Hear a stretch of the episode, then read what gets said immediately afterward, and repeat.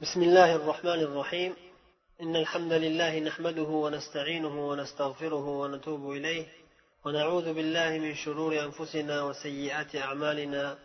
من يهده الله فلا مضل له ومن يضلل فلا هادي له. وأشهد أن لا إله إلا الله وحده لا شريك له. وأشهد أن محمدا عبده ورسوله صلى الله عليه وعلى آله وصحبه وسلم تسليما كثيرا. أما بعد السلام عليكم ورحمة الله وبركاته.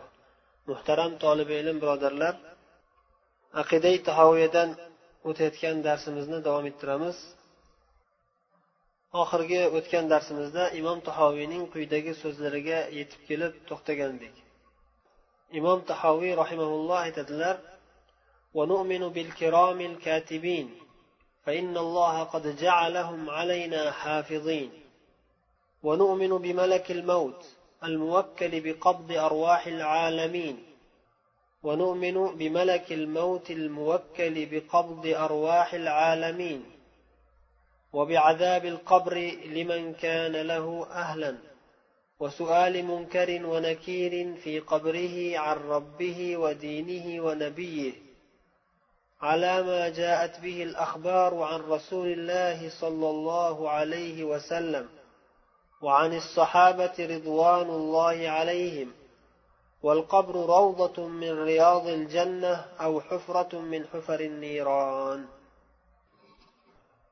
imom tahoviy rahimaulloh aytyaptilarki ulug' yozuvchilarga iymon keltiramiz ya'ni barcha amallarni yozib turuvchi ulug' yozuvchi bo'lgan maloikalarga iymon keltiramiz darhaqiqat alloh taolo ularni bizning ustimizda hofiz yod oluvchi qilib qo'ygan. Ya'ni alloh taolo maloikalardan bir toifalarini qilayotgan ishlarimizni va aytayotgan so'zlarimizni yozib yod olib turadigan zotlar qilib qo'ygan. Butun olamdagi jonzotlarning jonini olishga mas'ul qilingan malakil mavt o'lim farishtasiga ham iymon keltiramiz. Mustahiq bo'lgan kimsalar qabr azobiga tutilishlari haq ekaniga ham iymon keltiramiz.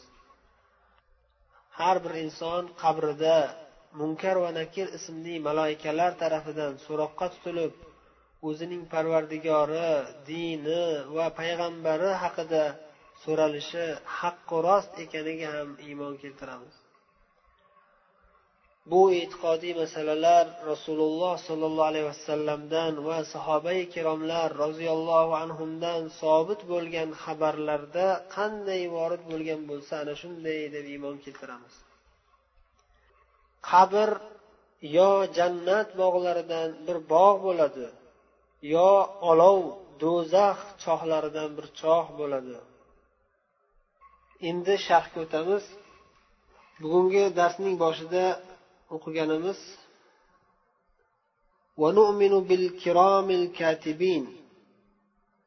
ulug' yozuvchilarga iymon keltiramiz.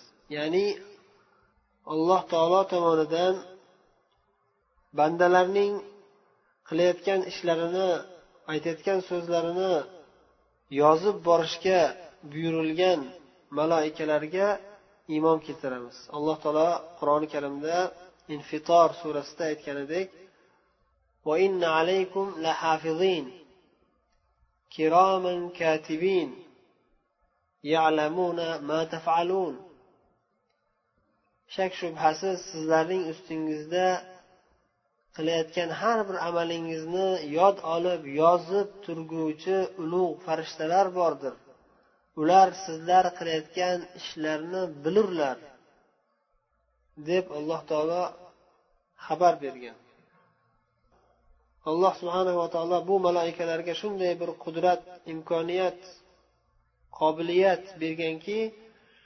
bandalarni insonlaru jinlarni nima qilayotganliklarini hammasini bular bilib turishadi.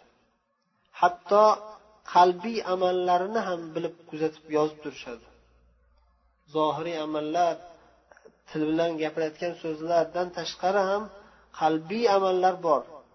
ana shu amallargacha hamma hammasini maloikalar yozib borishadi imom buxoriy rahimaulloh rivoyat qilgan hadis qudsiyda sahih hadisda alloh subhanahu va taolo aytadiki إذا أراد عبدي أن يعمل سيئة فلا تكتبوها عليه حتى يعملها malaikalarga xitob qilib alloh taolo aytadiki agar mening bandam bir gunoh ish qilmoqchi bo'lsa unga yozmay turinglar to o'sha gunohni haqiqatdan bajarmagunga qadar.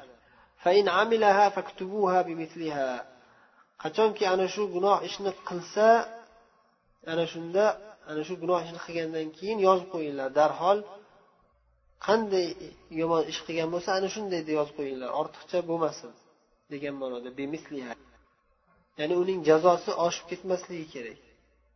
Bitta yomon ish qilgan bo'lsa o'sha o'shaga yarasha bitta jazo bor.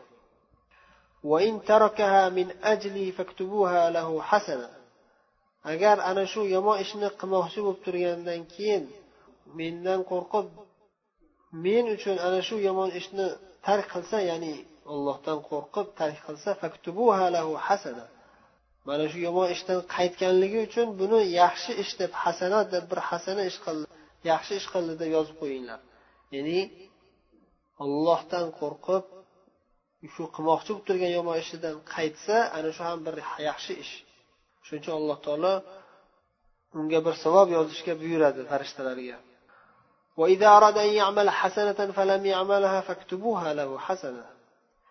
endi alloh taoloni marhamatini qarang.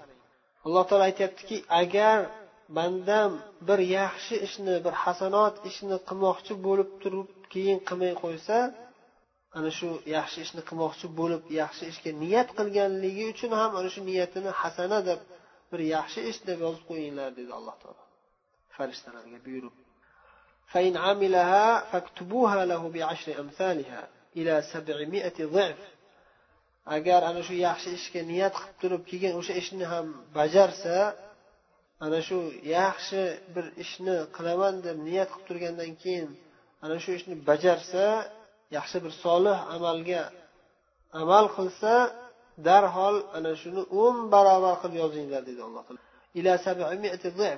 Hatto yetti yuz barobargacha borib ko'paytirib yozinglar dedi alloh taolo. Farishtalar maloikalar bandalarning qilayotgan ishlarini yozib borishliklari qur'onda ham zikr qilingan. alloh taolo qof surasida aytadiki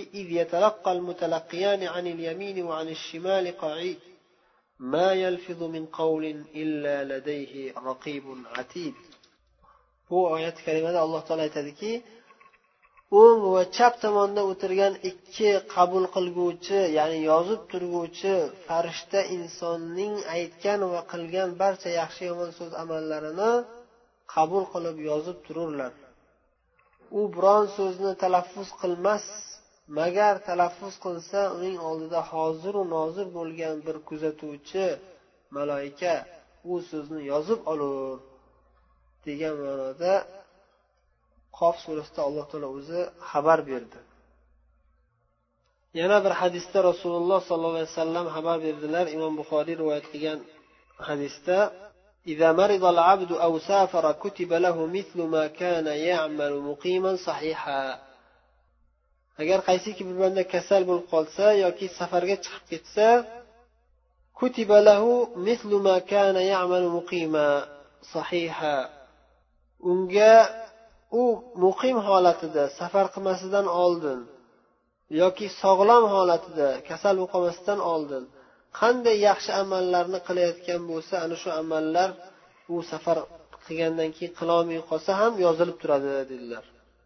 Kasal bo'lib qolgandan keyin qilolmasa ham sog'lomlik davrida qilgan amallari davom etib yozilib turadi dedilar allohning marhamati kengligidan. Demak ana shu yozilib turishi ya'ni farishtalar yozib turishadi. Farishtalar yaxshi amallarni ham kuzatib yozib yodlab borishadi. Yomon amallarni ham kuzatib yodlab yozib borishadi. Va undan tashqari barcha narsalarni alloh taolo o'zi buyurgan barcha narsalarni yozib turishadi.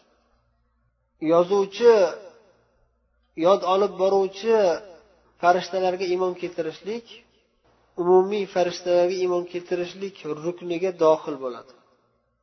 Iymon ruknlaridan ikkinchisi bo'lmish farishtalarga iymon keltirishlik rukni mana shu narsalarni hammasini o'z ichiga oladi keyingi nuqtada imom tahoviy rahimaulloh aytdilarki ونؤمن بملك الموت الموكل بقبض أرواح العالمين butun olamdagi barcha jonzotlarning ruhlarini jonlarini olishga buyurilgan ana shu vazifa uning zimmasiga yuklangan malakul mavt o'lim farishtasiga ham iymon keltiramiz alloh taolo sajda surasining o'n birinchi oyatida aytadiki qul yatavaffakum malakul bikum ayting ey rasululloh sizlarga vakil qilingan o'lim farishtasi jonlaringizni olur so'ngra parvardigoringizga qaytarilursizlar dedi والإيمان بمن معه من ملائكة الرحمة o'lim farishtasiga iymon keltirishlik bilan birga o'lim farishtasiga yordamchi qilib yuborilgan farishtalarga ham iymon keltirishimiz lozim. Bu haqda alloh taolo bir necha oyatlarda xabar bergan. O'lim farishtasiga yordamchi bo'lib keladigan farishtalar ikki xil ikki toifaga bo'lingan farishtalar bo'lishadi. Malaikatir rohma rahmat farishtalari va malaikatil azab azob farishtalari. alloh taolo anon surasining to'qson uchinchi oyatda aytadiki ولو ترى إذ الظالمون في غمرات الموت والملائكة باسطوا أيديهم أخرجوا أنفسكم اليوم تجزون عذاب الهون ولو ترى إذ الظالمون في غمرات الموت zolimlarni o'lim girdobida qolgan o'lim farishtalari qo'llarini cho'zib jonlaringizni beringiz Bu kun olloh sha'niga nohaq gaplarni aytganingiz va uning oyatlaridan yuz o'girib kibru havo qilganingiz sababli xorlik azob bilan jazolanadigan kuningizdir deb turgan paytida bir ko'rsangiz edi deb alloh taolo muhammad alayhissalomga xabar beradi. Bu borada yana boshqa oyat karimalar ham bor. Yana alloh taolo nahl surasining o'ttiz ikkinchi oyatida aytadiki الذين تتوفاهم الملائكة طيبين يقولون سلام عليكم ادخلوا الجنة بما كنتم تعملون bu oyat karimada alloh taolo mo'minlarning go'zal oqibatlari haqida xabar berib aytadiki ular ya'ni mo'minlar shirk va isyondan pok bo'lgan tayyibin pok bo'lgan xushbo'y bo'lgan hollarida farishtalar ularning jonlarini olar ekanlar Sizlarga tinchlik omonlik bo'lgay endi qilib o'tgan amallaringiz tufayli jannatga kiringiz derlar. Alloh taolo barchalarimizni ana shunday pok mo'minlardan qilsin. Demak o'lim farishtasi bilan birga rahmat farishtalari ham bo'ladi azob farishtalari ham bo'ladi. Biz ularning barchalariga qur'oni sunnatda qanday kelgan bo'lsa ana shunday deb iymon keltiramiz. Yana bir hadisda muttafaqun alayh hadisda rasululloh sollallohu alayhi vasallam juda ham bir ibratli mashhur bir qissani xabar berganlar. Banu isroildan bo'lgan bir odam to'qson to'qqizta odamni nohaq o'ldirgan undan keyin alloh uning qalbiga tavba qilishni solgan tavbam qabul bo'larmikin yo'qmikin? deb o'sha paytdagi eng ilmli taqvoli odamlarni qidirgan. Ba'zi odamlar uni ibodat bilan mashg'ul bo'lgan bir rohibni oldiga borib o'shandan so'ragin deb aytishadi. U odam bu rohibni ibodat bilan shug'ullanib o'tgan bir zohid rohib odamni oldiga borib ilmi yo'q odamdan so'raydi. Ibodat bilan shug'ullangan bo'lsa ham umrini ibodat bilan o'tkazgan bo'lsa ham lekin ilm olmagan bir johil odam bo'ladi u rohib. Ana shunga borib men to'qson to'qqizta odam o'ldirganman tavbam qabul qilinadimi yo'qmi deb so'raganda u dahshatga tushib to'qson to'qqizta odam o'ldirganmisan seni tavbang qabul qilinmaydi deb o'zicha fatvo berib yuboradi johilligi bilan. Shunda bu odam aytadiki to'qson to'qqiztadan yuzta qilib qo'ya qolay deb turib o'sha rohibni ham kallasini olib o'ldiradi. Keyin yana qalbi xotirjam bo'lmasdan bu odam noto'g'ri aytgandir deb ilmli odam bormi deb olim odam eng olim odam kim deb yana qidirib odamlardan so'raganda shunda bir olim odamni oldiga yuborishadi. Shunda ana shu olim odam oldiga borib men yuzta odam o'ldirganman deb aytib tavbam qabul qilinadimi yo'qmi deb so'raganda bu olim kishi javob qiladiki sen bilan tavbani orasini seni tavba qilishdan nima to'sib turishi mumkin?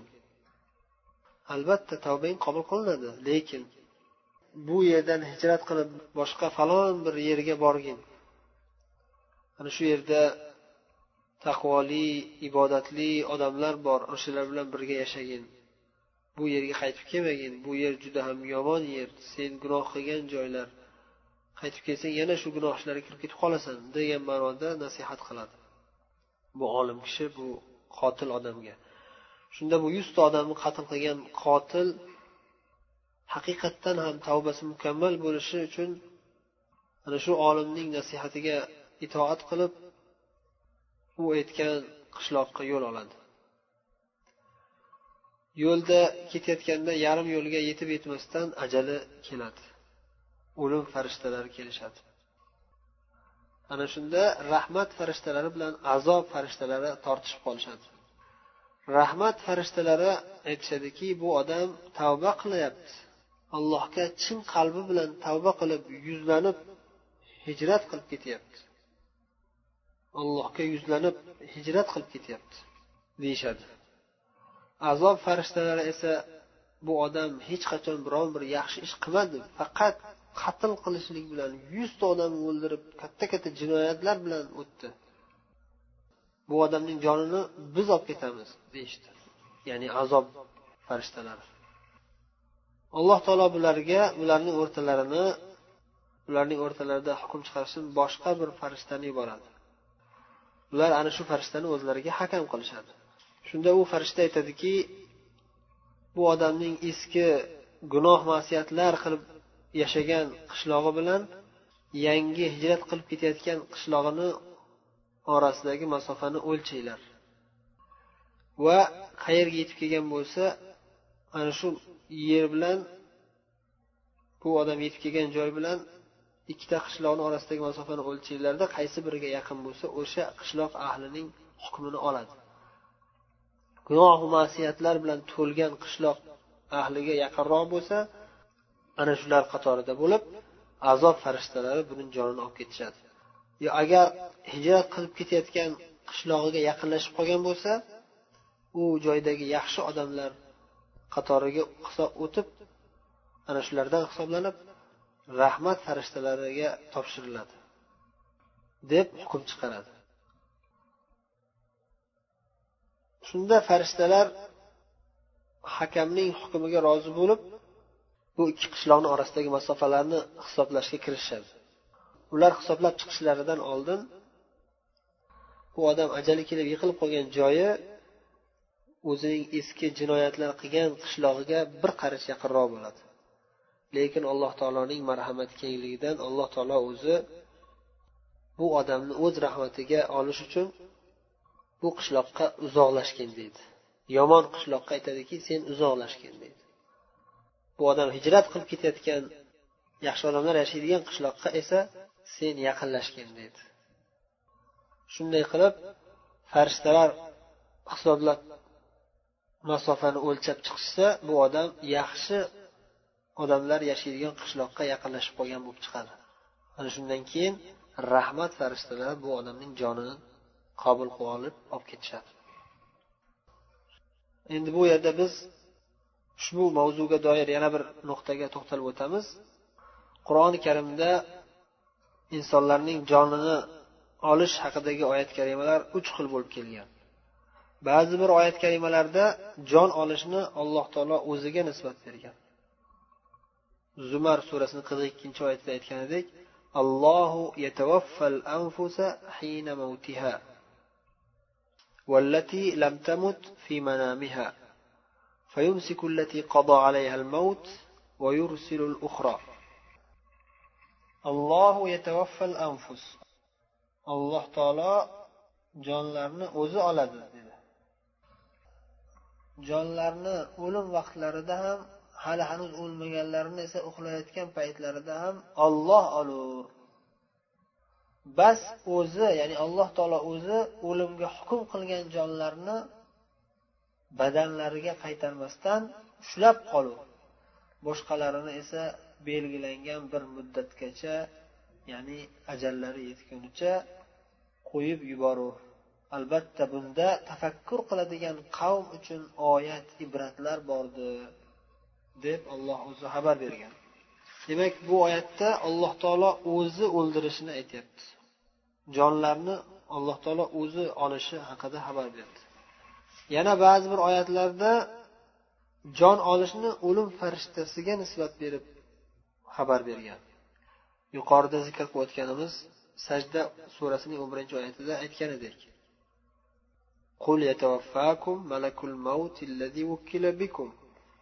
Ayting rasululloh sizlarni malakul maut o'ldiradi. Sizlarga vakil qilib qo'yilgan malakul maut o'ldiradi.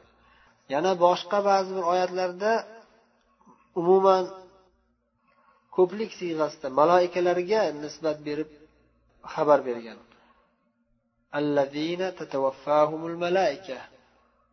Maloikalar ularni jonlarini oladiganlar deb ya'ni malaikalar jonlarini insonlarning jonlarini malaikalar oladi deb xabar bergan. Nima uchun? Javob shuki haqiqiy o'ldiruvchi zot jonlarni oluvchi haqiqiy zot alloh taolo o'zi. Chunki alloh taolo o'zi buyuradi va o'zining taqdiri bilan taqozo qiladi kimni o'ldirish kerak kimni o'ldirmaslik kerak. Maloikalar esa allohning elchilari sifatida allohning buyrug'ini bajarishadi xolos. Malakul maut o'lim farishtasiga nisbat berib aytilishi chunki o'lim farishtasi barcha maloikalarga rahbar sifatida bo'ladi. Jonlarni o'ldirib odamlarni o'ldirib jonlarni oluvchi farishtalarning rahbari malakul maut o'lim farishtasi bitta farishta. Bu farishta barcha jonzotlarning joni olinayotganda jasadidan chiqqan zahoti birinchi bo'lib qabul qilib oluvchi farishta. Jonlarni tortib olib o'zi qabul qilib oladigan farishta. Ammo ko'plik siyg'asida maloikalar insonlarning jonini olishi haqida xabar berilgan oyatlarda ko'zlangan ma'no shuki chunki malakul mavut o'lim farishtasi insonni o'ldirib jonini olgandan keyin u jonni maloikalarga topshiradi. Maloikalar yuqorida aytganimizdek ikki qism. Mo'min odamning jonini olgan bo'lsa rahmat maloikalariga topshiradi. Rahmat maloikalari uni hurmat bilan izzat ikrom bilan ko'tarib olib ketishadi. Allohning huzuriga. Agar kofir yoki munofiq yoki fojir kimsalarning joni bo'lsa uni o'lim farishtasi o'zi jonni olgandan keyin azob farishtalariga topshiradi azob farishtalari uni qiynab azoblab olib ketishadi. Endi kimdir hayron qolib so'rashi mumkinki bir lahzada dunyoning turli burchaklarida qancha qancha odamlar o'lyapti. Bir lahzada hammasi jon taslim qilyapti. Qanday qilib bitta farishta ana shu jon taslim qilayotganlarning hammasini o'zi o'ldirib jonini olayotgan bo'lishi mumkin deb noqis aqli bilan tasavvur qilolmasligi mumkin. Biz aytamizki haqiqatda ham bu narsa g'aybiy narsa insonni aqli ojiz qoladigan holat insonni aqli tasavvur qilolmaydigan narsa bu haqiqiy bir mo'jiza. G'aybiy masalalar juda ham buyuk inson aqli uni tasavvur qilishdan ham ojiz unga aqli yetishidan ham ojiz.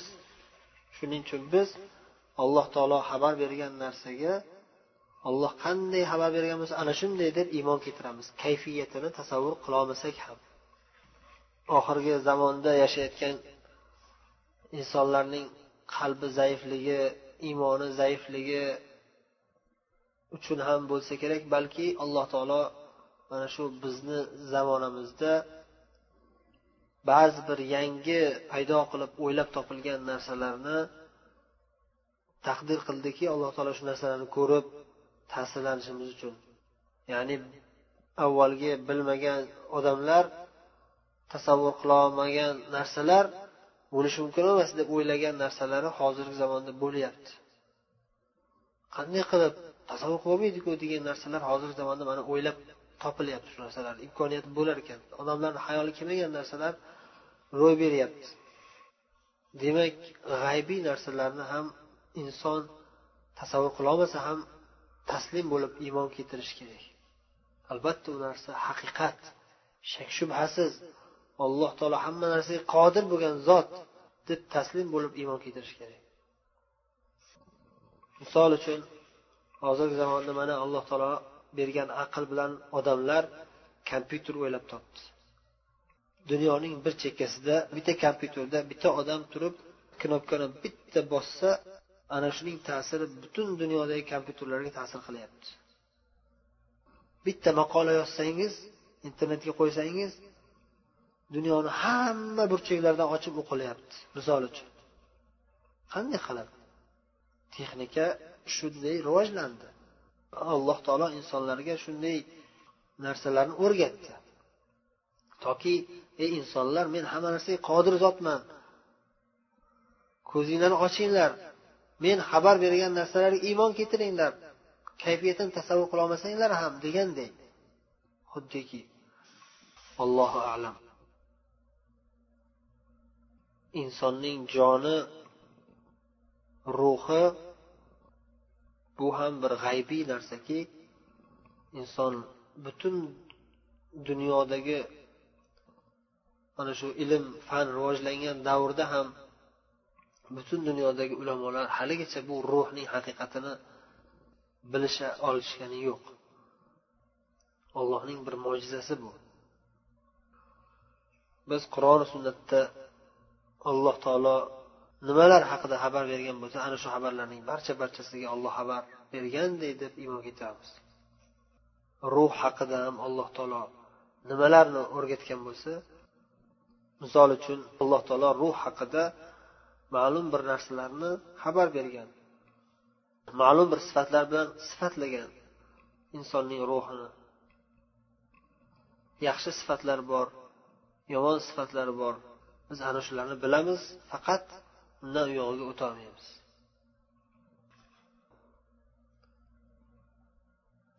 keyingi nuqtada aytdilarki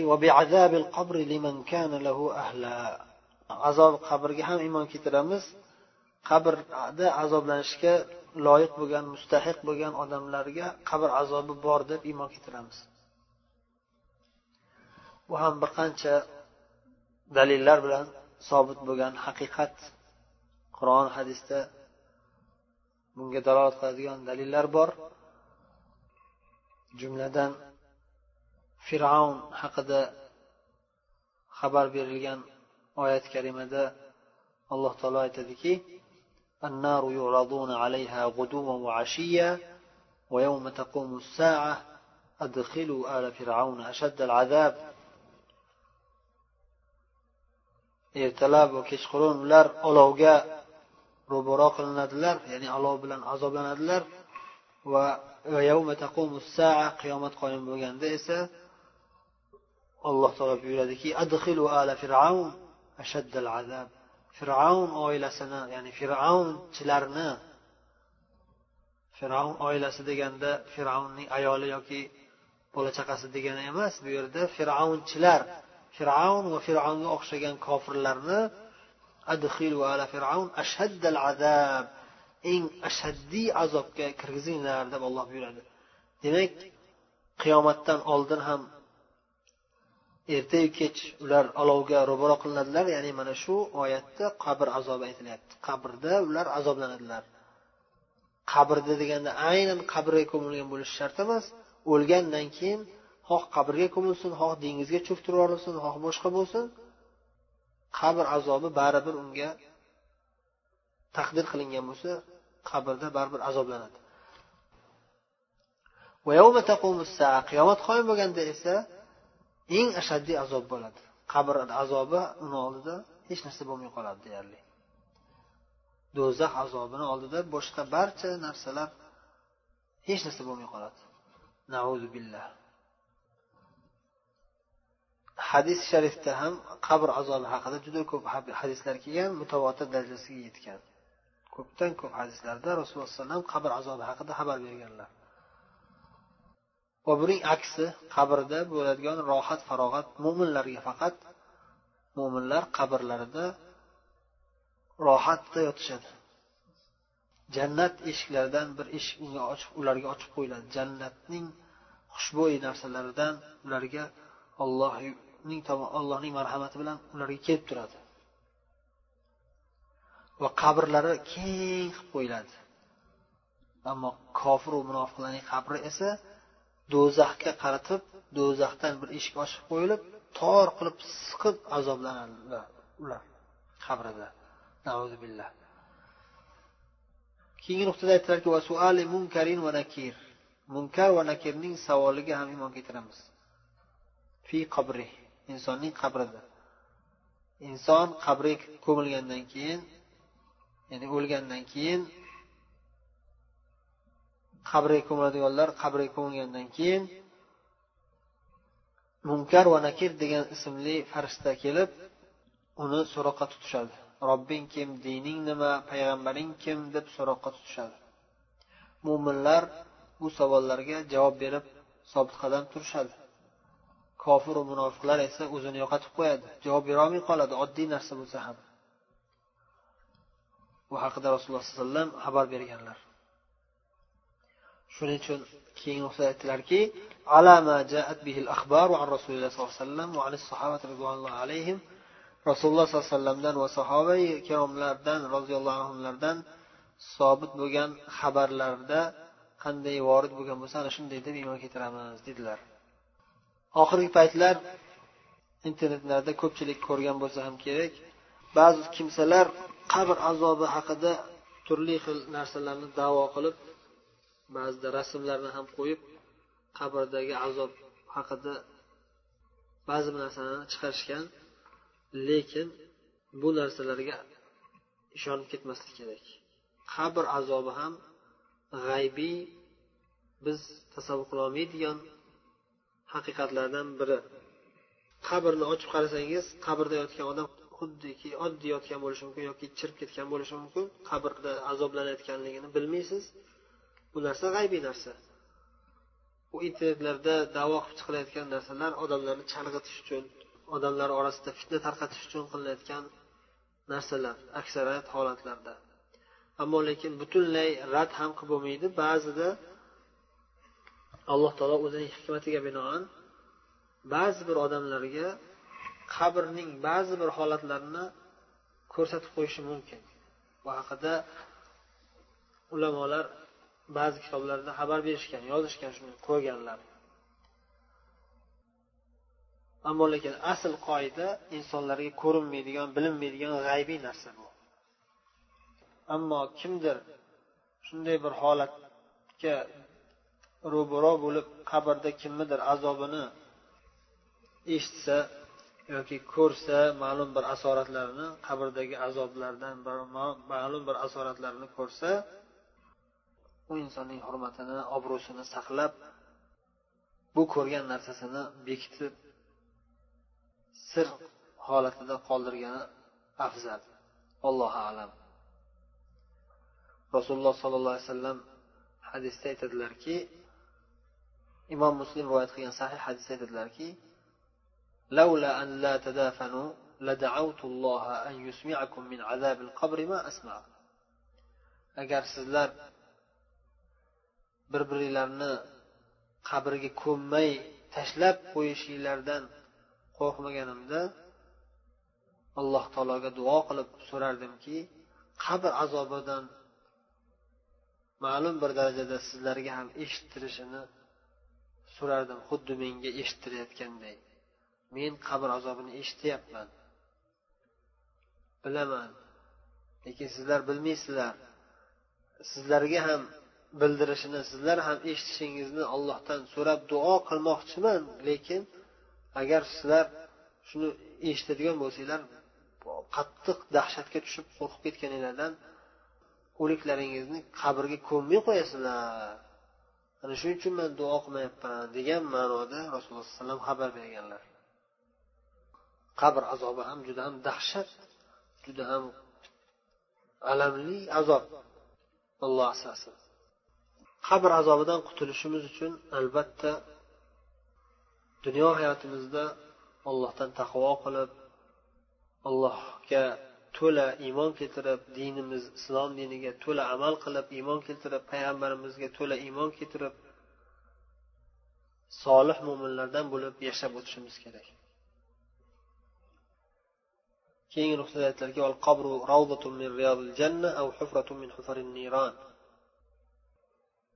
qabr yo jannat bog'laridan bir bog' bo'ladi yoki do'zax chohlaridan bir choh bo'ladi.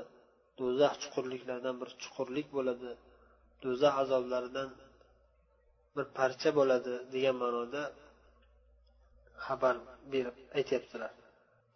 Inson hayotga kelgandan keyin uchta bosqichdan o'tadi. Birinchi bosqich dunyo hayoti imtihon musibat va amal qilib qolish kerak bo'lgan hayot.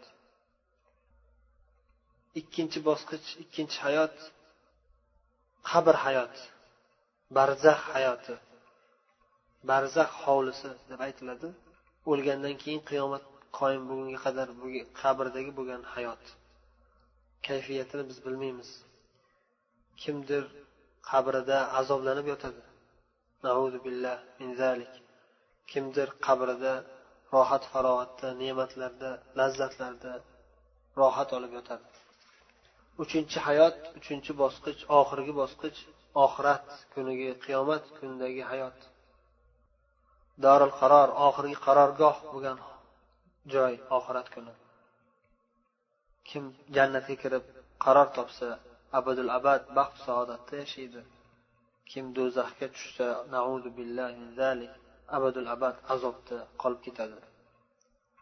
O'lishlikni orzu qilsa ham dodvoy qilib meni o'ldiringlar desa ham o'lmasdan balki terilari tanasi kuyib ketgan sari yana qaytadan yangilab yana qattiq azoblab turiladi bugun shu bilan kifoyalanamiz vallohu alam va sallallohu vasallam va baraka ala nabiyina muhammad وعلى آله وأصحابه أجمعين ومن تبعهم بإحسان إلى يوم الدين والسلام عليكم ورحمة الله وبركاته.